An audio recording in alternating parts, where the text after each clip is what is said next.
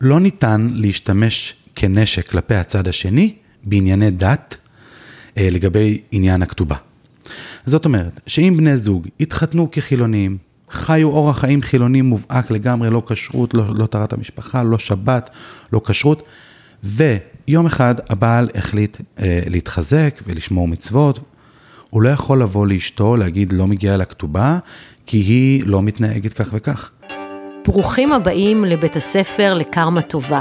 אני עורכת הדין רות דהן וולפנר ואני אדבר איתכם על זוגיות, על גירושים וכמובן על קרמה שהיא בעצם תוצאה. שלום, ברוכים הבאים לעוד פרק בפודקאסט שלנו, והיום איתנו הרב מרדכי בוגאיוב. שלום, כבודו. שלום וברכה. אנחנו פעם ראשונה מארחים אה, רב בפודקאסט שלנו. הוא גם דיין בבתי דין פרטיים, הוא גם ראש מכון יסודות במשפט העברי, ומעביר השתלמויות בדין העברי לעורכי דין בדיני משפחה. אבל אל תדאגו, אנחנו לא הולכים לקיים היום שיעור מדרש או שיחה הלכתית, זה הולך להיות סופר מעניין, כי בית הדין הרבני אה, הולך כל מיני, הוא חייב ללכת עם הקדמה. ואני רוצה להקריא לכם פסק דין שכתב הרב לאו בבית הדין הרבני הגדול. ותכף אנחנו נדבר עליו, וזה יהיה הפתיח שלנו בשביל שתבינו מה הולך פה. אז ככה. מסקנת הדברים כפי שנראה לי. אמנם כשהבעל מתבטא בפנינו אודות הצורך בריגושים, והאישה רואה אותו גולש במקומות שאישה ברת דעת לא תסכים לראות את בעלה במקומות כאלה. אני עושה לכם ספוילר, טינדר, Love Me וכאלה. איני יכול להגדירה כמורדת, שהרי הוא אשר יוצר במעשיו את הניתוק ומועל באמונה, הוא אשר רואה בשדות זרים ודי לנו במה שנחשף בדיוני בית הדיר. כבר הגדיר שלמה המלך מה תוצאת האיש הרואה וזו הגדרת המקרה בפנינו. אציין עוד כי הסתמכות בית הדין על הנתון המזעזע מרשת האינטרנט, כי רק 20% מהגולשים באתרים שכאלו מממשים זאת לכלל מעשה, קשה היא בעיניי. מעבר לכך שנתונים אלה אינם מוסמכים, גם אם הם כתובים במפורש באתר ויקיפדיה, הבנתם מה הגיע לרבני? אבל עצם השיטוט שבהם מרחיק את הנישואים מתואר הקשר שצריך להיות בין בני זוג, ובכלל אשאל, מניין לנו שאיש זה אינו מאותם אחוזים שמממשים זאת. מעתה הגדרת האישה כמורדת חוטאת למציאות. נכון יותר לקבוע שאישה אינה צריכה לחיות עם נחש בכפיפה אחת. אשר על כן, כשהאיש הוא שהביא למצב זה, שגם אם יתקן את דרכיו, אך את האמון באישה כבר אי אפשר להשיב. נראה לי שזכאית האישה במצב זה לכתובתה במלואה. אז מה היה לנו פה? אנחנו תכף נתרגם את זה לעברית מובנת. כן, בבקשה. כבודו, תסביר לנו מה לטינדר ולבית הדין הרבני הגדול ולרב לאו. כן. Uh, הפסק דין הזה שעכשיו הקראת, הוא ממש טרי, יצא לפני שבועיים. אנחנו פה מעודכנים, מה זאת אומרת? הוא עסק, אני פשוט ליוויתי את הערעור ו- וכתבתי אותו גם, אז uh, אישה שהגישה תביעת גירושין לבית הדין הרבני האזורי, וטענתה בפיה שהבעל שלה, היא מוצאת התכתבויות לא ראויות, לא ראויות לגבר נשוי. רגע, מה היא מצאת? תספר לנו את הג'וסי. היא מצאה התכתבויות שהבעל uh, מתחיל ומפרטט עם כל מי שרק אפשר. החל מהגננת וכלה ברופאת ילדים, והשיא היה מבחינתה בהתכתבות על בסיס קבוע כל פעם שהבעל היה נוסע על הבסיס במילואים. יש אישה שכנראה גרה ליד הבסיס והוא מתכתב איתה. אבל מה זה אתרים? כי רשום בפסק הדין שהוא גולש באתרים. בנוסף, כל הפרילדותים האלה היוו דרך הרשתות החברת, אה, דרך הרשתות של ההיכרויות. אתרי היכרויות. אתרי היכרויות. טינדר. טינדר ולאב מי, ויש לה, הבעל מחזיק שם חשבונות פתוחים ומשתמש בהם. זאת אומרת, היא מצאה בטלפון שלה. כן. ובבית הדין הרבני זה בסדר אה, להראות דברים שמצאת בתוך הטלפון של הבעל שלך? אה, תראי, לפעמים אנחנו יודעים שהרי אסור להכניס ראיות שהושגו שלא כדין. אבל אה, גם אם זה לא נכנס, בסופו של דבר בית הדין ראה את זה. אני, אני יכולה לציין, יכול לצאת החוצה. אני יכולה לציין שבעניינים שקשורים לרכוש, פעם היה לי תיק כזה, ובעניינים שקשורים לרכוש הם כן מקפידים על זה, שלא להשיג אה, ראיות שהושגו בהאזנת סתר, אבל בעניינים שקשורים לבינו לבינה, הם לא יהססו לקבל כן. כי... תכתובות שהושגו נכון. גם תוך כדי פגיעה בפרטיות. כי זה הנושא של הגירושין וה, והכתובה, זה בעצם האשם. כן. אם לא תוכל לברר את, האשם, אז אפשר לסגור את, ה, את הדיונים על זה. אה, להכניס לתיק זה כבר עניין, עניין אחר. עורך, דין יכול להתנגד ש, ש, שיציגו ראייה, אבל כבר בית הדין ראה את זה. ברוב המקרים מצרפים את זה, בית הדין ראה את זה. אם זה נכנס לתיק או לא נכנס לתיק, זה פחות מעניין. קיצור, אותו בחור הלך על הטינדר, על אה, לאו-מי, ניסה את מזלו שם. ניסה את מזלו בכל איפה ש, ש, שאפשר, וכמו שאמרתי, התכתב עם אישה, ההתכתבות הכי אה, אה, נוראית מבחינת האישה, שהוא כותב לאותה אישה שגרה ליד הבסיס, הוא בדרך למילואים, הוא כותב לה, אני באה לאכול אותך. את יודעת שבמקלדת אות ו' ואות י' מתחלפות, המשמעות שלהם היא שונה לגמרי. אז הוא טען שהוא... טען הבעל שהוא כן, הוא התבלבל בין הו' לי' במקלדת. שהוא אמר לה, אני באה לאכול איתך? כן, אהה. כן. זה מה שהוא טען. אבל איפה כולנו מבינים, הארוחה? כן, איפה הייתה הארוחה. אז כולנו מבינים שיש פה אה, התכתבויות לא ראויות, אבל שוב, בגדר, בגדר ה- הבגידות האפורות, הבגידות הווירטואליות. והוא בעצם טען, לא מימשתי כלום, רק התכתבויות, כן, כי רק, האישה אה, לא לקחה חוקר פרטי והוכיחה משהו. או שלא היה לה, או שלא היה לה אפשרות, או שלא היה לה כסף גם, אבל אה, לא, לא הייתה לה, לא היה, לא היה לו ראיות יותר מזה. לא הייתה לה ראיות שהוא ממש עשה משהו והוא מפגשים. הכחיש. אם היה כן. מספיק מפגשים זה עוד היה מילא, אבל לא היה- לא- לא היה- לא היה לא היה לה ראיות למפגשים גם. אמ, ואז בית הדין קבע שבגלל שהאישה לא הצליחה להוכיח את זה שהבעל הוא רואה זונות, נסביר למאזינים שלנו מה זה רואה זונות? תכף, תכף נגיע לזה, יש פה הרבה משפטים שיעניינו אתכם. כן, אז אמ, בית הדין אומר, בית הדין לא האזורי, הצלחתם, זאת אומרת, האזורי, בית הדין האזורי הראשון, הגיע, הגיע למסקנה שהאישה לא הצליחה להוכיח עילת גירושין, לא הצליחה להעלות את הבעל לרמה של חיוב בגט של רועה זונות, ולכן האישה הזאת רוצה גירושין לחינם, ואנחנו יודעים את הכלל הידוע שכשאישה מגישה תביעת גירושין והיא לא מבררת חיוב בגט, אז היא נקראת אישה מורדת כי היא לא רוצה בבעלה, והיא לא מקבלת את הכתובה שלה. עכשיו שנייה, אני אסביר את זה בעברית. אה, בעיקרון, אישה שמגישה תביעת גירושין, אישה יכולה להגיש תביעת גירושין, הכל בסדר, מותר לה להגיד אני רוצה להתגרש, אבל ברגע שהיא רוצה כתובה, פה היא נכנסת כבר לכללים שהיא צריכה להוכיח שבאמת יש סיבה לקבל את הכתובה, כי אם אין סיבה ואת לא רוצה לחיות עם בעלך, את נחשבת מורדת, ואישה מורדת מפסידה את הכתובה לפי ההלכה. זה בעצם מה שאמרת, נכון? כן, נכון, נכון מאוד. אוקיי. אז אותה אישה, בית הדין הרבני האזורי אומר, אה, לא מגיע לך את הכתובה, כתובה. כי הוא בסך הכל עשה, התקפה, היה בטינדר, לא קרה כלום, ו, ובית הדין הרבני האזורי גם הולך לוויקיפדיה, או שהבעל טען כן, את זה אז- וציטטו את זה, אני לא יודעת כן, בדיוק. אז בית הדין הגדול הגדיל לעשות רגע, אבל- וקבע, לא, אבל- בית הדין האזורי. הגדיל לעשות וקבע, מעיון באתר ויקיפדיה, נראה, נמצא שרק 80, רק 20 אחוז מהמשתמשים בתוך האתרי היכרויות הללו מגיעים למפגשים. אז כך שרוב המשתמשים באפליקציות, באתרי היכרויות, לא מגיעים למפגשים. ומשכך, אז זה רגע, נשאר. אני, אני חייבת לשאול אותך שאלה, אני לא יודעת אם תדע לענות לי, אבל תגיד לי, הדיינים חיפשו בוויקיפדיה, או ש... איך הם וואו. יודעים את זה? שאלה טובה, אבל כנראה שהם הסתכלו. כן? כנראה שהם הסתכלו, הם אומרים מעיון באתר ויקיפדיה. אוקיי. כן, תכף, אני, ממה שקראת, אם, המאזינים פספסו, אבל בית הדין הגדול אה, משאיר... אה, כן, תכף אוקיי. ואז האישה אומרת, לא יקום ולא יהיה, ומחליטה להגיש ערעור לבית הדין הרבני הגדול, כן. שבערעור הזה אתה, אתה השתתפת בכתיבתו. כן, אז אני, אני אסביר מה, מה היה לפני שזה. בית הדין קבע שבגלל שהיא מורדת, אז לא מגיע לה את התוספת של הכתובה, שזה החלק הגדול בכתובה, מגיע לה רק עיקר הכתובה, זה סכום פעוט, 728 שקלים.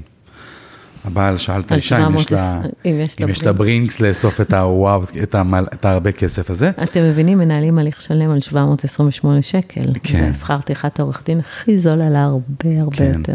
אותה, אותה עורכת דין שייצגה את האישה, היא הייתה תלמידה שלי בקורס בחדרה באותה תקופה בדיוק, הראתה לי את הפסק דין הזה. ראיתי את הפסק דין הזה. לא, באמת, קשה לראות את זה. אה, באמת אישה שרואה שבעלה לא שומר על הנאמנות המינית, מנסה בכל מקום אפשר, עם מי שאפשר, ו- ו- ולא הלך לו. וזה לא מספיק ולא מבחינת לו. בית הדין. אבל זה עדיין מבחינת בית הדין, לא, זה לא, אין ראיה שזה הגיע למפגשים. אה, זה באמת אה, צרם מאוד למי שקרא את זה, ואמרתי לה, תקשיבי, את חד וחלק, את חייבת לעלות לערעור לבית הדין הרביני הגדול, תכתבי מה שצריך, אני אוסיף את הפן ההלכתי, צריך לעשות פה צדק.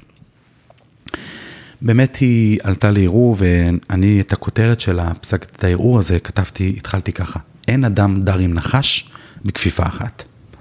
זה ביטוי הלכתי שמוזכר, תכף נדבר גם עליו, נדבר עליו אני גם. מתה על הביטוי הזה. כן, נדבר גם עליו, למה חכמים ישבו את זה לנחש וכולי, אבל ככה, זה באמת משפט שרוצה להגדיר את האי יכולת של, של, של, של האישה לחיות עם הבעל. ובערעור הבאנו את האסמכתות ההלכתיות, ש... וההיגיון גם, ההיגיון שבעצם לא כל, גם אם הבעל לא הצליח להגיע למפגש, מבחינת הנאמנות המינית שלא נשמרה מבחינת האישה, זה זו לג- לגירושין. ולקבל כתובה. ולקבל, זו עילה לגירושין, ומשכך לק- לקבל כתובה. אה, כמו שהקראת מקודם, בטוב טעם הרב לאו כותב באריכות גדולה את כל העניין הזה, וקובע שלאישה הזו מגיע כתובה במלואה. כי זה שהיא, זה שהבעל לא הצליח לממש או לא לממש, אבל עצם השיטוט במקומות האלה לאדם נשוי, פוגע בתואר הקשר, ומבחינת האישה, היא לא אמורה להישאר לחיות עם בעל, שרק מחפש את ההזדמנות לראות, אה, לראות בשדות זרים. אז זאת אומרת, אמור מעתה, גברים תפסו אתכם בטינדר, אתם בסכנת כתובה. בסכנת כתובה, בפירוש. יש שם כמה פנינים שהקראת בהתחלה, בית הדין מאוד, בית הדין הגדול מאוד מאוד ראה, לא לעניין, הוא קשה בעיניי. אה, אתר ויקיפדיה, הוא ככה מעיר הוא- להם הוא ממש פעמיים. אמר להם, על מה אתם מסתמכים? בל נשכח שוויקיפדיה זה משהו שכל אחד יכול להיכנס כן. לכתוב ערך, כן? כן. אבל מעבר לזה, זה לא משנה. משנת ויקיפדיה. כן, משנת ויקיפדיה, וכתוב שחור, הוא אומר, שחור על גבי לבן באתר ויקיפדיה. זה לא תורה על משה מסיני, זה ברור. אה, וה, והיכולת של האישה לסלוח על כזה דבר, הוא לא הופך אותה ל, ל, ל, ל, למורדת. אני חושב שמה שיוצא מפסק דין הזה בעיקר, אה, זה לא, היה לנו כלל פעם שאם האישה לא מגישה עילה לחיוב בגט, עם קוד הלכתי של חיוב בגט, האישה לא זכאית לכתובה. ופה, לאט לאט, יותר ויותר נכנסים דברים שבהם סיבות שגם בית הדין הרבני מקבל, שזה לא אמור להיות, אישה לא אמורה לחיות עם בעלה, אז גם אם זה לא הגיע למפגש, אז גם אם זה לא הגיע למפגש פיזי, יש הרבה פסקי דין שמדברים על אגרנות, היה בעל אגרן, אוגר, אוגר, אוגר, אוגר חפצים. זה מחלת נפש, זה אגרנות. מחלת נפש. אז אגרן, אתה שם במחסן, הכל בסדר, אבל הוא הפך את חדר השינה למחסן. האישה אמרה, אני לא יכולה לקיים יחסים ולחיות בצורה, בצורה, בצורה טובה בבית כזה, ובית הדין ראה את זה בתור סיבה מבוררת של אה, חיוב כתובה. אז הנה, זה, הפסק דין הזה, זה וואו. כי באמת, כמו שאמרת, מי שנתפס, מי שנתפס. אה, מתכתב, פותח חשבונות אה, באתרי היכרויות, מבחינת בית הדין זה פרשת קו המים. אוקיי. אבל אתה יודע, כל סיפור הכתובה, אני, יש לי, אני קצת, אה, יש לי, אני אמביוולנטית לגביו. כי מצד אחד, באמת, שאתם בני זוג אה, אה, חילונים, והכתובה היא איזה משהו ארכאי כזה, ואנשים חותמים על כתובה ולא מבינים שהם חותמים על אה, התחייבות, על צ'ק ביטחון. ומצד שני, זה כלי באסטרטגיה של גירושים ובמערך השקלולים שיש כשמנהלים תיק גירושים, גם בצד האזרחי. אז תסביר לנו רגע, מתי אישה זכאית לכתובה?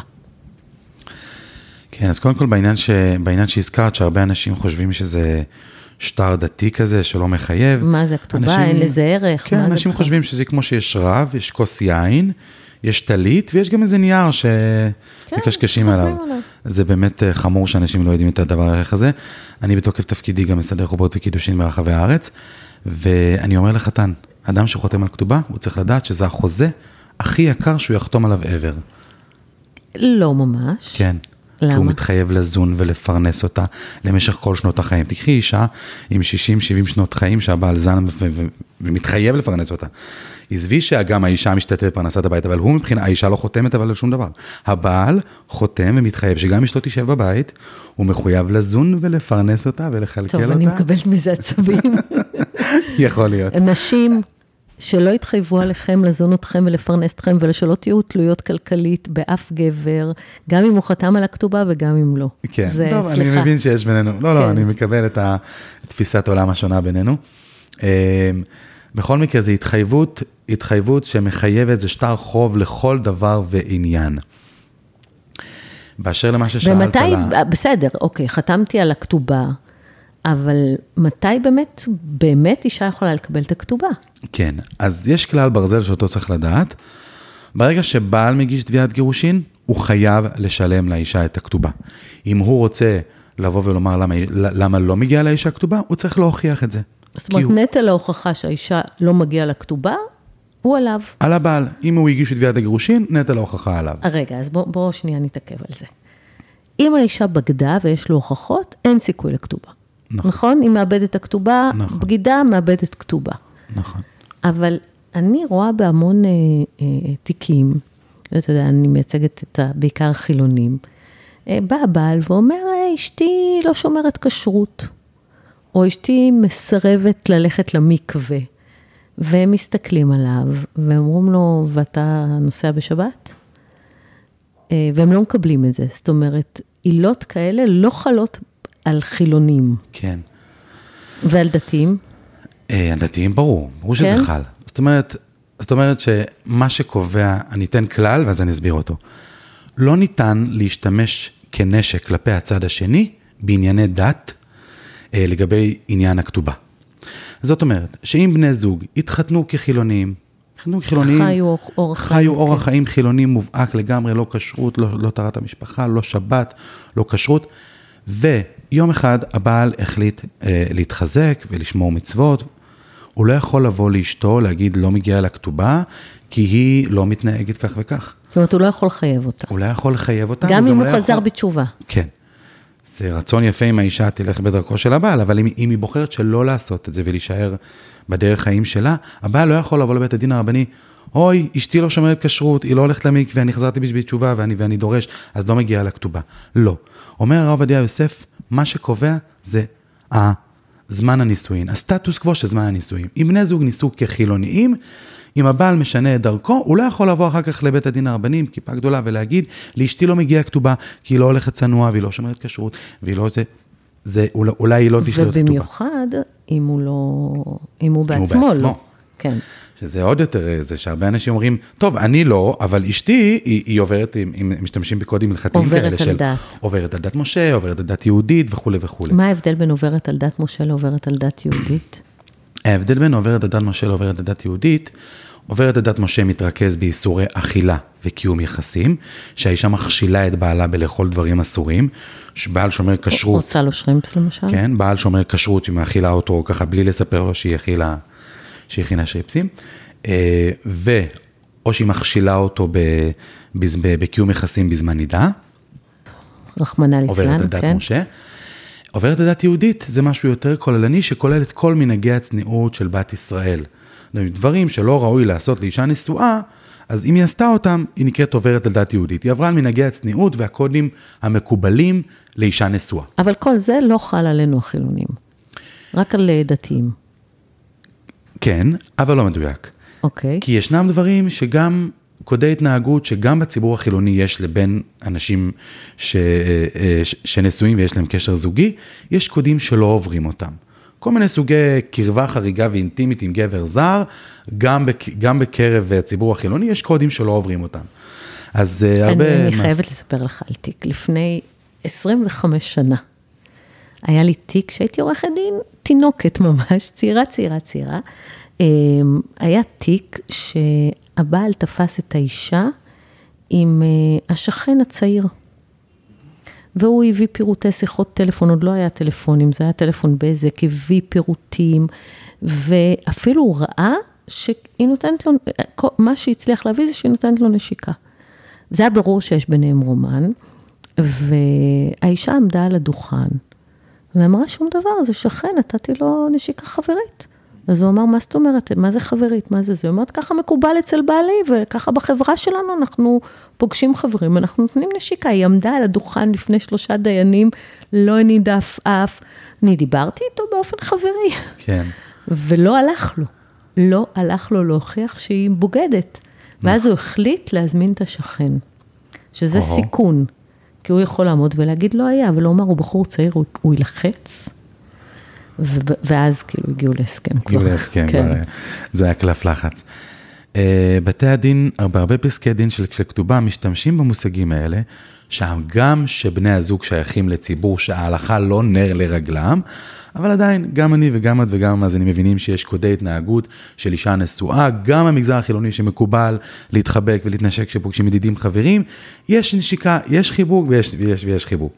אה, כן. לכן הדיינים גם מסתכלים על אופי, ה, אבל, על אופי אבל, הקשר. אבל בוא, בוא רגע, יש עוד משפט, שהרבה פעמים אני אומרת לאנשים את המשפט הזה, אומרים לי, אבל זה לא מה שבבית הדין הרבני, כן זה כן. כלל הלכתי, שהוא לא כלל הלכתי, אבל שהדיינים משתמשים בו, גם בית הדין הרבני, גם כבוד הרב לאו בבית הדין הרבני הגדול, כותב בדיוק בשפה הזאת את המשפט אין כפל מבצעים. שזה קצת מוזר שזה שפה של דיינים, כי זו שפה שיש לנו בסופרמרקט, אבל אין כפל מבצעים, זה כלל ידוע. כן. תסביר לנו מה זה אין כפל מבצעים, זה קשור לכתובה. נכון. אז הכלל של אין כפל מבצעים, אה, בפסקי הדין קוראים לו אין כפל הטבות. הכלל אומר שאם האישה לקחה מהבעל, מחלקו, דברים שעל פי דין תורה לא מגיעים לה, למשל, דברים שרשומים על שם הבעל בלבד, או חנויות או עסקים או חברות, על פי דין תורה לא, לא מגיע לה בזה חלק, והיא מקבלת מכוח חוק יחסי ממון, היא מקבלת חלק מזה, אבל על פי ההלכה לא מגיע לה כי זה נחשב רק שלו. וברגע שאישה לקחה כאלה סכומים, אומר לה בית הדין, אם לקחת כספים שלא מגיעים לך על פי דין תורה, אז את לא יכולה לתפוס את החבל משני הקצוות, לקבל עוד הטבה נוספת עכשיו מהמשפט העברי. את לא יכולה לקחת גם את החוק האזרחי וגם את המשפט העברי, את, את הכתובה, ומה שנקרא לתפוס את החבל משני הקצוות. אם כבר קיבלת כספים שלא מגיעים לך על פי דין תורה, אז אל תבואי ותבקשי שוב את ההטבה במשפט השני. תן לי להסביר למאזינים מה זה כספים שלא מגיעים לך על פי דין תורה. יש לנו פה את חוק יחסי ממון.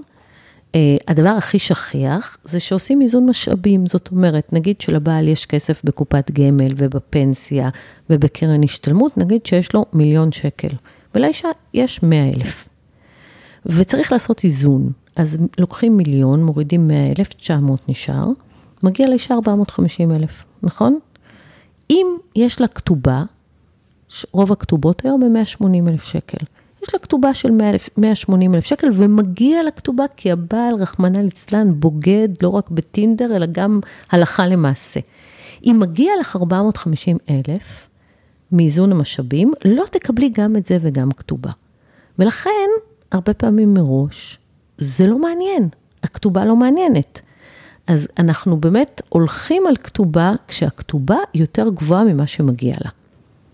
למשל, יש לי תיק שיש לה כתובה של 555 אלף שקל. גברים, אם אתם חושבים שזה מגניב לכתוב 555, 555 אלף שקל, זה חצי מיליון שקל, זה מה שאתם מתחייבים לו. אה, כשמתגרשים, אז תיזהרו מזה. נכון. אז אנשים חושבים שזה מספר יפה, וזהו. חמסה, חמסה, חמסה. חמסה, כן. זה, אם כבר הייתי מציעה 55 אלף שקל ולא 555, אבל אם יש לי כתובה של 555 אלף שקל, ואני יודעת שבאיזון המשאבים מגיע לי הרבה פחות, אני לא אתבע בכלל איזון משאבים, אני ישר אלך לתבוע כתובה. וזה בעצם חלק מהאסטרטגיה שאנחנו מפתחים ומשתמשים בבית הדין הרבני ובכתובה ככלי במשא ומתן וככלי בגירושים. שזה, שזה מאוד נכון, שבראשית כל תיק צריך לבחון קודם כל, האם לפני שנכנסים למלחמות ואמוציות ותיק בעצימות גבוהה, צריך לבחון בכלל את שאלת השאלה הסופית, האם יצא כתובה או לא יצא כתובה? כי אם האישה לוקחת מהבעל כספים, אז היא לא תקבל... לא לוקחת כספים מהבעל, היא מגיע לה כספים מכוח יחסי או, לא. ממון. לא, בסדר, לא, מגיע חשוב, לה, זה שלה, כן, חצי נכון, שלה, היא לא לקחה לו. נכון, כן, טוב, טוב, טוב שאת אה, מציגה את הזה, מבחינת ההלכה היא זה... מבחינת ההלכה לקחה לו כסף. כן, כן, זה אגב הרציונל שעומד מאחורי כפל נפצעים. אם קיבלת דבר שעל פי המשפט, על פי, על פי משפטי התורה לא מגיע לך, אז כשאת באה לבית הדין הרבני, את לא יכולה לשוב להשתמש במשפט העברי, כי כבר לקחת. אוקיי, אז עכשיו ככה. שימו לב, איך לתוך בית הדין הרבני נכנס בעצם העולם המודרני. קודם כל, המשפט אין כפל מבצעים. אבל הוא גם נכון, זאת אומרת, הם באים, הם אומרים, אנחנו יודעים שיש את חוק יחסי ממון במדינה, אנחנו לא יכולים להתווכח עם חוק יחסי ממון, כי הוא חוק יחסי ממון, אבל את לא יכולה מצד אחד להשתמש בחוק יחסי ממון, לקבל זכויות שמגיעות לך, לא לקחת, אבל לקבל זכויות שמגיעות לך, ומצד שני, לקבל גם את הכתובה בתור זכות הלכתית. הלכתית. אין כפל מבצעים, את לא יכולה גם זה וגם זה. כן, אי אפשר, אי אפשר לרקוד על שתי חתונות. בדיוק. נגיד ככה, פשוט אי אפשר לרקוד על שתי זה כאילו, חתונות. זו אמירה קצת מוזרה בגירושים, אבל כן, זה הרציונל. כן, יפה. זה בדיוק הפורום החתונות. אמ, אי אפשר להתגרש, כן. אי אפשר לרקוד על שתי חתונות. נכון, אין כפל מבצעים, גבירותיי ורבותיי. עוד משהו שקשור לכתובה, זה אמ, נקרא אסמכתה. מה זה אסמכתה? כן, אסמכתה ב- אסמכתה בהלכה, זה תרגום חופשי, זה חוסר גמירות דעת. זאת אומרת, חוזק- לא התכוונתי. לא התכוונתי, לא חשבתי שזה יגיע, זו התחייבות רחוקה. אה, בכתובה יש שני בעיות, שתי בעיות של, של אסמכתה בכתובה. קודם כל, עצם הרעיון. בחור כותב, בחור כותב סכום בכתובה. הוא באמת חושב שיגיע הזמן והוא ישנא את הדבר הזה שעומד לידו כרגע והם אוהבים עד השמיים. יש בכלל סיכוי שזה יגיע, אז הוא כותב, כי לא אכפת לו, הוא, הוא לא חושב באמת שזה יגיע. אז זה חוסר גמירות דעת אחד. חוסר גמירות דעת שתיים, זה הוא כותב שסכום, שהכתובה היא נקובה בסכום גבוה. סכום גבוה, אנשים כותבים חמש, חמש, כמו שאמרת, חמש, חמש, חמש, ויש כאלה אה, שמגיעים זה- גם זה- לשבעה, חמש. בדיוק. שבע, חמש, שיש אז כתובה זה יפה. של אה, חמישה מיליון, אני ראיתי גם 40 מיליון, אז זה באמת, הם באים ואומרים, זה, זה, זה חוסר, אסמכתה. זה אסמכתה, זה מה שנקרא, זה חוסר גמירות דעת. בן אדם לא באמת, יש לו את הסכום הזה, והוא כותב אותו לשם כבוד. אה, אה, הרי אני תמיד אומר בשיעורים שיש בחור צעיר שכל ההון שלו מסתכם באיזה פיאט פונטו שנת 96, והוא מתחייב על, על מיליון ו, ו, ומיליון ו, ושתיים, סכום שהוא, סכום שהוא לא ראה בחיים, גם אם הוא יעבוד כל החיים ויחסוך בצד, הוא לא יגיע לכזה סכום. ואז במקרים כאלה לא מחייבים אותו בסכום הזה, אומרים, זאת אסמכתה, זה לא הגיוני. זה לא הגיוני וזה חוסר גמירות דעת באשר להתחייבות, ועל פי ההלכה, כל התחייבות שאין בה, אין בה גמירות דעת, שהמתחייב כתב את זה, לא בגמירות דעת מוחלטת, אז הוא לא, הוא לא חייב לשלם אותה. עכשיו בואו נעבור לעוד ביטוי שאני ממש אוהבת, וגם היה לנו בפסק דין. אין אדם דר עם נחש בכפיפה אחת. אנחנו יודעים שאין אדם דר כן. בכפיפה אחת, אבל מי הנחש פה? כן, אז ההסבר של המושג הזה, הוא מופיע אגב ממש עוד בתלמוד ובכל הראשונים והאחרונים, זה משפט שמשתמשים בו לגבי אה, מגורים מבן זוג שאי אפשר לחיות איתו. נחש. נחש. אבל דרך אגב, זה לא רק בן זוג, זה גם בת זוג. כן, כמובן, הדברים האלה נאמרו פעם, פעם על הגבר, פעם על האישה. כן, זאת אומרת, נחש פעם- יכול להיות גם נחשית. בדיוק, וזה אותו, אותו רעיון. Uh, הכוונה היא שאדם לא יכול לדור עם נחש בכ- בכפיפה אחת. למה חכמים דימו את זה לנחש? זו חיה מאוד מאוד שקטה, שאתה חיה לצדך ואתה לא יודע מתי הוא הולך לתקוף. זה החיים מסוכן. מבין, בדיוק, וזה מסוכן. זה חיים מבן זוג, לחיות בתוך, בתוך בן אדם שאתה לא יודע מתי הוא הולך לתקוף, או מתי הוא חותר נגדך, ו- או צועק ומשפיל אותך, וזה עושה אווירה לא נעימה, אז אומרים חכמים, אין אדם דר עם נחש בכפיפה אחת. אז, אז שימו לב, כאן היה לנו פסק דין, שבו הבחור אה, חגג בטינדר, ואמרו, הוא נחש, כי הוא הולך לטינדר. כן. יש די הרבה פסקי דין של בית הדין הרבני, שבהן אישה מגישה תלונות שווא נגד הבעל. אם התלונות נסגרות, ומוכח שזו תלונת שווא, זאת אומרת, היא נסגרה מחוסר אה, אשם, אה, לפעמים גם מחוסר ראיות, אבל שאם הוא מגישה תלונות סדרתית, אז גם בית הדין, קודם כל היא מאבדת את הזכות לכתובה, וגם בית הדין אומר על זה, אין אדם דר בכפיפה אחת, אם, אם נחש בכפיפה אחת, כן. גם על אישה שמגישה תלונות שווא. נכון, כי זה בדיוק אותו רעיון. כן, שהיא מסוכנת. היא היא מסוכנת, והחיים לצידה בלתי נסבלים. או החיים לצידו, זה לא משנה. בקיצור, אם את אה, בעניין של תלונות שווא, אולי יגיד- יגידו שאת נחש ולא תקבלי את הכתובה. כן, כל בעל שמסתיר דברים, שמציק, ל, שמציק לאשתו, מקנטר אותה, זה גם אין אדם די עם נחש. בכפיפה אחת. אבל זה, זה כבר יותר קשה. שבעל מציק לאשתו ומקנטר אותה עד שיגדירו אותו כנחש, הרבה מים יעברו. הם לא מתרגשים מזה, כמו שלא התרגשו בבית הדין האזורי מהטינדר. כן. אמ, זה צריך להיות קיצוני בשביל שיגדירו בעל שמציק כנחש, כי בעיקרון לפי ההלכה, את צריכה לסבול בשקט. תראי, יש התבטאויות של ספרי הלכה במאות שנים האחרונות, ש- שדיברו על, על זה שבעל מציג ומצייר את האישה כל הזמן, גם. מצער, כן, אבל, מצער. אבל אני יודעת שזה הלכתית, זה נכון. דרך אגב, ההלכה מאוד מאוד שומרת על כבודן של נשים. אסור להציק להם, אסור לצייר אותם, אבל בתי הדין הרבניים לא בהכרח אה, יחייבו בעל לתת גט לאישה, או לשלם, כי הוא ול- ולשלם קרצייה כתובה. ומציק, ובטח לא לשלם כתוב- כתובה. כן. גם כן. לא יחייבו אותו בגט. זאת אומרת, ת- תדעו לכם שהצד השני של הרצון של האישה לקבל גט, זה הרצון של הבעל להתגרש ממנה. הוא יכול, יכולה להגיש תביעת גירושים ולהגיד, אני לא נותן לך קטע, אני לא רוצה להתגרש. בהרבה תביעות שהאישה מגישה תביעה על גירושים ומבקשת כתובה, התשובה תהיה, אני אוהב אותך, אני רוצה שלום בית. נכון. לא כל כך מהר, אה, הוא יסכים להתגרש אם היא מבקשת כתובה. נכון. אמ, אני מוכרח לציין את, אה, יש שו"ת שנקרא תשבץ, שהוא כן כותב על אה, צער והקנטה שזה זה, אז אני אומר, צריך לדעת שיש גם פסיקות כאלה. יש, לא, יש, בסדר. יש פסיקות כאלה. יש בשו"ת ובתלמוד ובגמרות, בטוח יש. כן. השאלה זה אם נבחן מכינים ההלכה את זה. בפועל, הלכה כן. למעשה. כן, אז יש בתי דין, ש- יש, יש פסיקות ש, שמשתמשים בזה, כן. אוקיי, נעבור מכאן לביטוי המדהים הבא, גם הוא ביטוי של בתי הדין הרבניים, רואה זונות. אני סיפרתי לך בשיחה מקדימה, שלפני די הרבה שנים כתבתי בתביעת גירושים, הבעל רואה זונות, והבעל היה, הוא זעם על הביטוי הזה, והוא אמר לאשתו, תגידי לעורכת דין שלך שאני באה לשרוף לה את המשרד, כי אני בחיים שלי לא הלכתי עם זונה. כן. זה העליב אותו. כן. אז המושג אה, רואה זונות זה מושג הלכתי. מושג הלכתי שמוזכר בספרי הפסיקה. אה, ולא צריך להיעלב ממנו, ולא בסך הכל אומר שאתה. בוגד. בדיוק. זה, זה מה שנקרא תואר מפוקפק לאדם שבוגד באשתו. אה, לאו דווקא רואה זונות, בשביל לקרות בעל רואה זונות זה לא חייב להיות עם כמה, אה, זה יכול להיות גם עם אה, זונה אחת לצורך העניין, זה יכול להיות גם לא אישה זונה. לא זה יכול זונה, להיות גם. בכלל לא זונה בכלל, זה יכול להיות גם מאהבת. שזה התואר ההלכתי של, ככה ההלכה קוראת לאדם ש, שבוגד, ב, שבוגד ב, ב, באשתו, זה קוד הלכתי של חיוב בגט. ככה מופיע בספרי ההלכה, אדם שהוא רואה זונות, הוא חייב לתת, אה, הוא חייב לתת גט. בקיצור, אם אתה בוגד, יש מצב שיכתירו אותך כרועה זונות, לא להתרגש. כן, זה סך הכל קוד הלכתי כן. לא, לחיוב לא. בגט. זה לא קללה. זה לא זה קללה. מה שחשוב. שאנשים ידעו שזה לא קללה. את רוצה, אה, אולי המאזינים שלנו רוצים לשמוע מה הסיבה שבעל בוגד לא, הוא איזה סיבה לחיוב בגט? כן, ברור, זה נראה לי כן, מובן מאליו. זה מובן מאליו.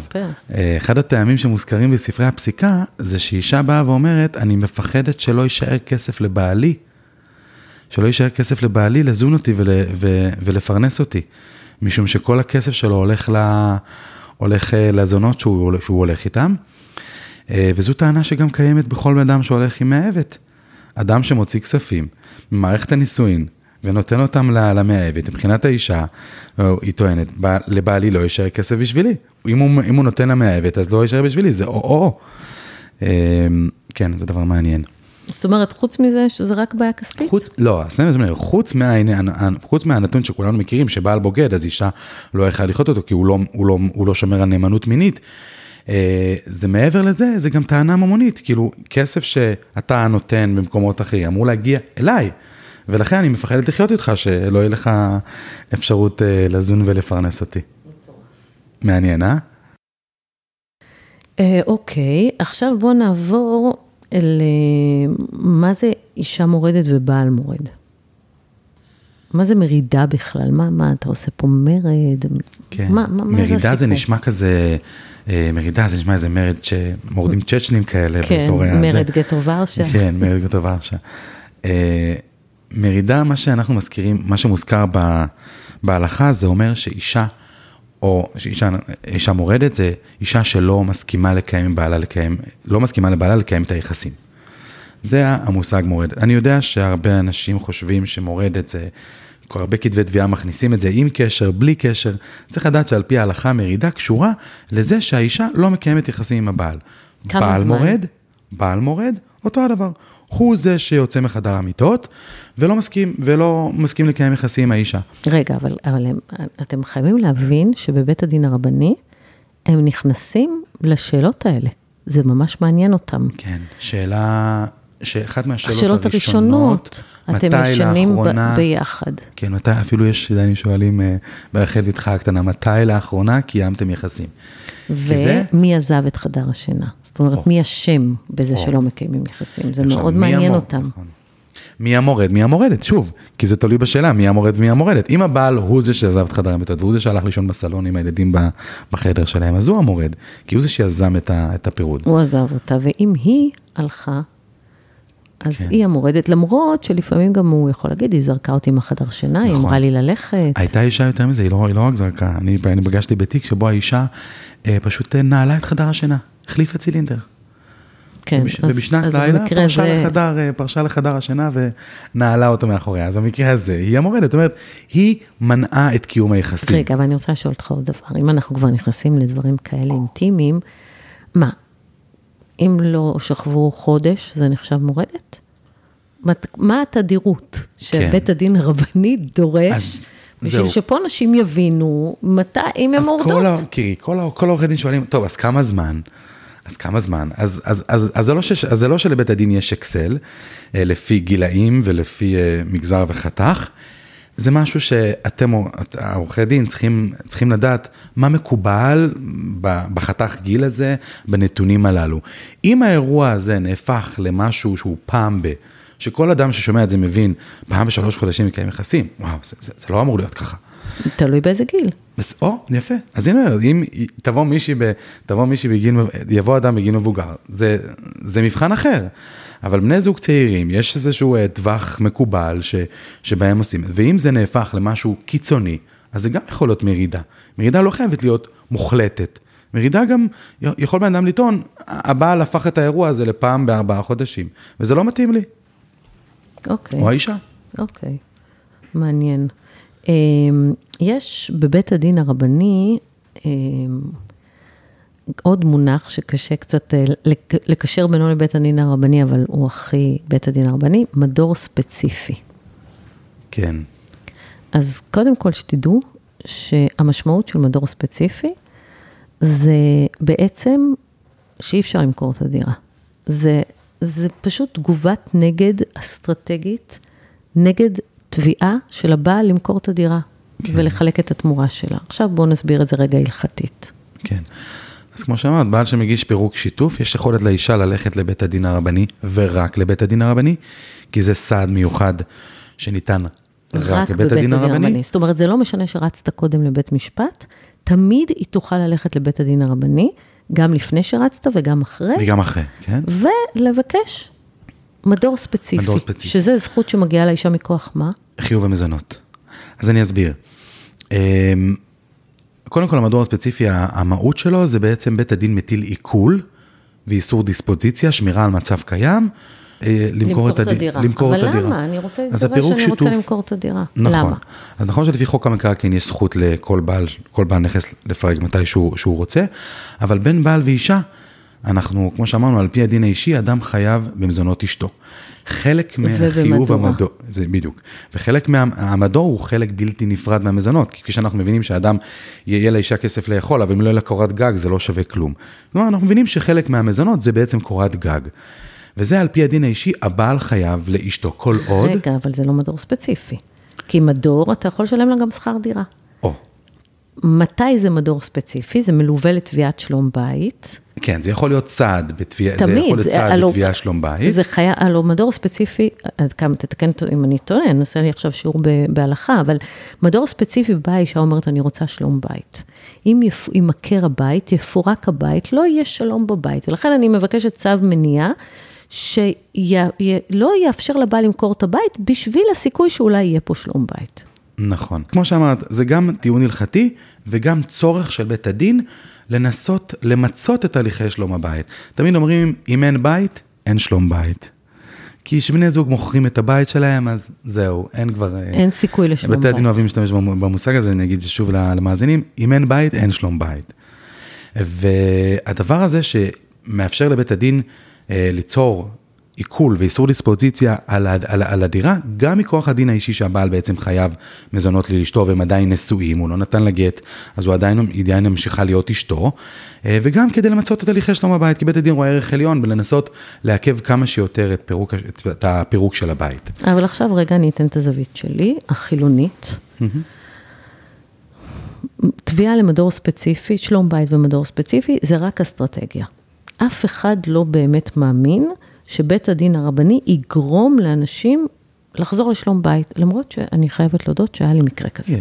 היה לי מקרה אחד כזה, וזה לא קשור לבית הדין הרבני, הם השתכנעו בסוף ללכת לייעוץ, ואחרי שהוא עזב את הבית וכבר הגיש תביעת גירושים והגישה תביעת שלום בית ומדור ספציפי, הם חזרו. וזה אמיתי, הם עד עכשיו ביחד, זה, זה משהו באמת חריג. אבל ברוב המקרים, שלום בית עושים בבית. הלוא אף אחד, אם מישהו לא רוצה אותך, לא הדיינים יגרמו לו לאהוב אותך מחדש. נכון. אבל בגילאים מסוימים, שכבר לא צריך את הגט, שאישה היא נגיד בגיל 45 ומעלה, או אפילו 40 ומעלה, היא כבר לא בלחץ על גט, וכאן מתהפכות ה... היוצרות, ולא הבעל צריך לרדוף אחרי האישה לגט, הוא בדרך כלל כבר מצא מישהי אחרת, הוא מת להתגרש, והיא מגישה תביעה לשלום בית ומדור ספציפי, הוא לא יכול למכור את הבית והתיק נתקע. התיק יכול להיתקע ככה שנים. נכון. והמשמעות האסטרטגית של זה היא, אוקיי, יש לך עכשיו פה צו למדור ספציפי, הצו הזה הוא בעצם מכשיר שאומר, אדוני, אתה רוצה להתגרש, אתה תצטרך לשלם לי קצת יותר, אני קוראת לזה פרמיית גירושין. כן. כי גם אם לא מגיע לי את הכתובה, אני עכשיו תוקעת אותך פה שלוש שנים בבית הדין הרבני, ואתה צריך, אם אתה רוצה לסיים מהר, תיתן לי משהו. כן. זה המשמעות האמיתית של אה, מדור ספציפי אצלנו. בטקטיקה, כן. ב... אצלנו, אצל החילונים. בוא. כן, כן, את מתארת טקטיקה, נכון, אמת. אסטרטגיה. את צודקת, בתור טקטיקה לשלום בית, הלכת לפירוק שיתוף, ניסית לעשות מהלך, הנה, נתקע לך מק- מק- מקלות בגלגלים. אבל אומר, את הדיינים זה לא מעניין. כמעט לא. לפעמים הם כן אומרים, אנחנו מבינים שמשחקים בנו ואנחנו לא ניתן. הם, הם חי... כן, נכון. לפעמים הם לא, לפעמים הם לא מאפשרים את זה, לא כשהם. רואים שזה ממש משחק. שאין סיכוי. אבל תלוי על, על איזה הרכב נופ, נופלים, תלוי על מי נופלים, זה לא כל כך תלוי פשוט. מה הנתונים, ובדרך כלל גם, בדרך כלל תראי, הם אה, הם עושים את זה עד מועד, מועד הדיון, הם הם נותנים עד מועד הדיון, אם יש להם שלוש ארבעה חודשים קדימה, אז הם נותנים עד מועד הדיון, ומועד הדיון בוחנים את הסיכויים. אני חייבת להגיד לך שהיה לי מקרה שהדיינים ראו, האישה שם ביקשה מלא הסכמים והסכמי ממון, ותחתום לי ככה ותחתום לי ככה ותחתום לי ככה, ובסוף הוא אמר, טוב די, נמאס לי, אני רוצה להתגרש. היא ביקשה כמובן שלום בית ומדור ספציפי, ובית הדין הרבני בפתח תקווה אמר, הבנו שמה שמעניין אותה זה הסכמים ולא שלום בית, ואנחנו לא ניתן לה מדור ספציפי. כל הכבוד, באמת החלטה, ממש הייתי, הייתי גאה בהחלטה הזאת, כי הם, הם באמת ראו את האמת. ואז היא הגישה ערעור לבית הדין הרבני הגדול, ושם הם אמרו, מה פתאום? מה פתאום? מגיע לה מדור ספציפי, תוכיח עילת גירושין, מה פתאום? החזירו את זה, תקעו את התיק על ג'אנטים במשך שלוש וחצי שנים. אני ליוויתי תיק בחיפה, שבו האישה ישבה על מדור ספציפי 14 שנה. זה, זה אירוע קשה. הבעל הלך וחי עם אישה אחרת, והביא ממנה ילד, כנראה היה עסוק עם החיים החדשים שלו, לא חשב לבטל, ופשוט האישה נהנתה ממדור ספציפי, זה כלי טקטי מאוד חזק. אבל נהנתה, בואו רגע נדבר על זה. את לא יכולה לבקש שלום בית ומדור ספציפי, ובערב לצאת עם אחרים. כי אחרייך אה, בלר, חוקר פרטי, יביא את זה לבית דין רבני, ובאותו רגע ייגמר מדור ספציפי. מה זה אומר? זה אומר שגם אם את רוצה מאוד מדור ספציפי, זאת אומרת, את לא מוכנה, את נאחזת בקירות הבית, את גם צריכה לוותר על החיים שלך. את תקועה בתוך נישואים, את צריכה לחיות כאישה נשואה שאף אחד לא מעניין אותך. אני באופן אישי מאוד מאוד נגד זה, בטח לא לאורך זמן, כי בסופו של דבר, כדאי להתקדם, להתקדם עם החיים. נכון. לא צריך להחזיק אף אחד בכוח. בכוח. לא, זה, זה לא לעניין, אבל זה אסטרטגיה. זו אסטרטגיה מעניינת, כן. בואו נדבר על... אמ, רגע, יש עוד משהו שצריך לדעת במדור ספציפי? כן? יש כלל של עולה עמו ואינה יורדת, שזה מקבל משנה תוקף במדור ספציפי. נכון. לפעמים מגיע בעל ואומר, אוקיי, אומרים לו, תקשיב, אתה חייב לדאוג מדור לאש- לאשתך. אז הוא אומר, מה הבעיה, אני אזכור על הדירה, שלוש חדרים, מספיק לך, חדר לך, חדר לילדים, ושתגור שם. אומר לו בית הדין, לא, לא, לא, לא, לא. מדור ספציפי זה פירושו של דבר, קודם כל, המגורים במקום המקורי שלכם. איפה שהתרגלה. כן, איפה שהתרגלה, לפי רמת החיים שהיא רגלה. אישה שהתרגלה לבית פרטי, הבעיה לא יכול להגיד לה, אני אשכור דירה במקום אחר יותר קטנה. לא, עולה עמו ואינה יורדת. אם זה רמת החיים, כל עוד אני נשואה לך, אני אגור בדירה רחבת הידיים, שישה חדרים, כניסה פרטית, ג'קוזי וסאונה. כי זה הרמת חיים. שזה מאוד מאוד מאוד מאוד חשוב זה, לדעת. זה קשור לעניין של מזונות אישה. מזונות אישה. בבית הדין הרבני. אה, בבית משפט היום, אני חייבת להגיד, אני 25 שנה עורכת דין בדיני משפחה, וראיתי איך זה קורה. כי בתחילת הדרך שלי, אישה לא חייבת לעבוד גם בבית משפט, אני לא מדברת על בית הדין הרבני, הלו בבית משפט הכילו את הכללים ההלכתיים. ואז אישה יכלה להגיד, אני לא מעוניינת לעבוד, והשופטים היו מחייבים את הבעל לשלם לה מזונות, ואמרו לו, סליחה, עם כל הכבוד, היא לא חייבת לעבוד, היא יכולה לעבוד, היא לא חייבת. היום, בבית משפט לענייני משפחה, אישה צעירה, או בעלת יכולת עבודה, או בעלת מקצוע, אין דבר כזה.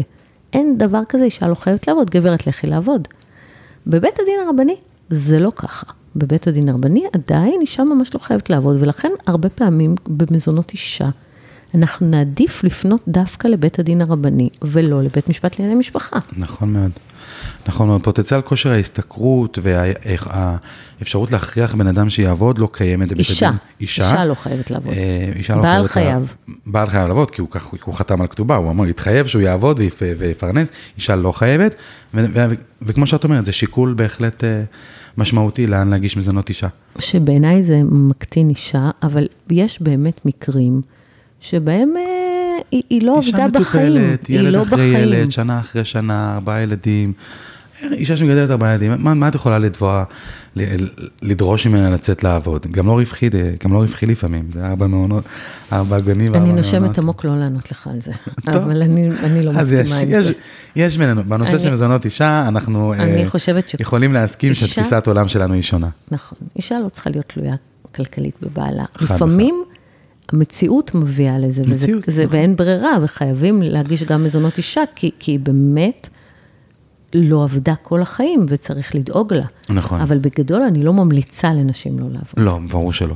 אם יש מקרה כזה, צריך לדעת שבית הדין אה, אה, נותן ו- ומעניק מזונות אישה. אוקיי, אז עכשיו אני רוצה לספר על משהו אה, מטורף, שקרה ממש, עכשיו זה בערעור בבית הדין הרבני הגדול, אבל זה קרה בחודש האחרון. הצדדים היו בגישור. אה, הבעל איש עשיר, יש להם נכסים בשווי של עשרות מיליונים, והאישה היא לא באמת עבדה, אבל היא הייתה רשומה כעובדת אצלו. והוא, תוך כדי הגישור, כשהתעסקו עם הערכת שווי אה, של העסק שלו, הוא לא אהב את זה, הלך לבית הדין הרבני והגיש אה, בקשה ליישוב סכסוך. היא מאוד מאוד נלחצה מהבקשה ליישוב סכסוך, אמרתי לה, אין לך מה להילחץ. אה, והגשנו בקשה לשמירת המצב הקיים. הראינו שהוא שילם מעל 200 אלף שקל בשלושה חודשים לחשבון שלהם, וביקשנו לשמור את המצב הקיים, שהיא זכאית לזה בתור, זה, הסברנו שהוא גם פיטר אותה מהעבודה, והוא טען כנגד שיש יש להם הרבה רכוש ושתמכור נכס. ובית הדין הרבני בתל אביב אמר, קודם כל היא לא צריכה לחיות על הנכסים שלה, וחייב אותו ב-85 אלף שקל בחודש, ב, ב, עד החלטה אחרת, בדיוק לפי מה שהוא הודה שהוא הפקיד בחשבון.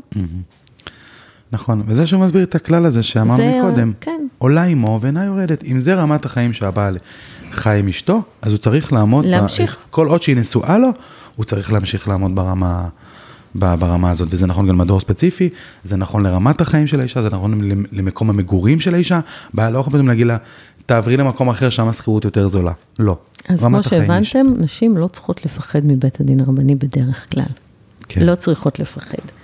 עכשיו, אני רוצה לשאול אותך לגבי תביעת גירושים. הבעל תפס את אשתו בוגדת. תפס הכל, מיילים, התכתבויות לוהטות, ע- עקב אחריה עם חוקר פרטי, אה, מצא אותה נכנסת למלון עם מישהו, מגיש תביעת גירושין עם כל, ה... כל טוב אה, שהוא מצא. של הראיות. כן, ומגיעים לבית הדין הרבני. כשמגיעים לבית הדין הרבני, אז הדיינים לא מדברים עם העורכי דין, הם לא נותנים לעורכי דין להוציא מילה בהתחלה, אלא שואלים את בני הזוג. אז הם אומרים לו, תקום אדוני, מה אתה רוצה? הוא אומר, אני רוצה להתגרש, אשתי בוגדת, זונה, אני לא רוצה לראות אותה, אני לא יכול... והם אומרים לו, בסדר, הבנו, שב, תקומי בבקשה, גברתי. את מסכימה להתגרש? והיא אומרת, כן. מוותרת על כתובה? כן. מה קורה באותו רגע? מה שיקרה באותו רגע, אמ, כל מה שאסף הבעל, הראיות בשביל לשלול לאישה כתובה, זה לא רלוונטי. בשביל להכריח אותה הדין- להתגרש בשביל גם. להכריח אותה להתגרש. בית הדין לא, בית הדין לא יראה את הראיות אם האישה מוותרת על הכתובה ומסכימה להתגרש. כי כל מה שעוזר הראיות של בגידה של בן הזוג, זה באשר אם רוצים כתובה. אבל אם האישה מבינה שהיא מראש מוותרת על הכתובה, בית הדין לא ייתן זמן שיפוטי כדי להכפיש את האישה לחינם, אם אין לזה משמעות אה, אה, מעשית לגבי הכתובה. זאת אומרת שאם אישה מוותרת על, על, על הכתובה, לבית הדין אין עניין לעסוק בזה. אז הבעל אסף ואסף ואסף ואסף. השקיע אלפי עשרות אלפי שקלים. בחוקרים פרטיים, ובאותו רגע היא אמרה, אני מוכנה להתגרש, והוא כעס, והוא אמר, אבל אני רוצה להראות לכם, אני רוצה שתראו מי. מה... בדיוק, זה חלק מהעניין שלו להראות. והם אמרו לו, זה לא מעניין זה לא אותנו, מעניין." אל תראה לנו, והם גם, הוא, הוא ניסה להניח להם תמונות, והם ממש כיסו את העיניים, הם לא רצו לראות את זה. כי באמת אין עניין, אם אין לזה שום משמעות, ואין עניין לבית הדין לראות את זה, אז, אה, אז מה העניין באמת אה, לעסוק בכל החומר הראיות האלה? זה, זה, לא, זה לא רלוונטי. בקיצור, תדעו לכם, שאם אתם חושבים לקחת חוקר פרטי, אבל רוב הסיכויים שהאישה תרצה להתגרש אולי אפילו יותר מכם, אתם מבזבזים כסף. ולכן לפני שהולכים לחוקר פרטי ומוכיחים בגידה ועושים כזו דרמה, תבדקו אם בכלל יש מקום משפטי לראיות האלה, כי לפעמים זה לא באמת מעניין. גם חשוב להגיד את המשפט שמופיע בתלמוד. אה, בתלמוד כתוב, אישה זינתה, נכסיה לא זינו. כן? זאת אומרת, פירושו של דבר, אם האישה זינתה, הנכסים שלה והכסף שלה הוא לא זינה, ולכן היא לא מקבלת עונש. הנכסים שלה לא אמורים להיענש. ולכן, למעט הכתובה, אין שום אה, אה, דבר שהאישה יכולה להפסיד בגלל, ה, בגלל הבגידה שלה, וכל מה שקשור זה לעניין הכתובה. אז אם אישה מוותרת על, ה, על, ה, על הכתובה, כל הבגידות בבית הדין ומסך הראיות זה לא רלוונטי. כי חוץ משלילת כתובה, אין בהלכה, התלמוד אומר שהאישה לא אמורה להיענש על זה. אישה זינתה, נכסיה לא זינו. יפה.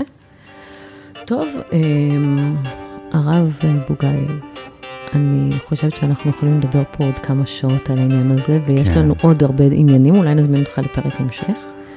אני מאוד מודה לך על השיחה המרתקת הזאת. אני גם מאוד מודה לך, היה לי הזכות והכבוד, ובאמת, מקווה שהיינו לתועלת. כן, אני בטוחה שזה. יפקח עיניים להרבה מאוד אנשים. יש הרבה דברים רבה. שאנשים צריכים לדעת על בית הדין הרבני, שזה לא מקום כמו שראינו הרבה דברים, זה לא כזה מקום כמו שנראה ומבין מציירים אותו. אה, ושיהיה לכולם בהצלחה. אמן. תודה. שיהיה סוף שבוע נעים ושבת שלום.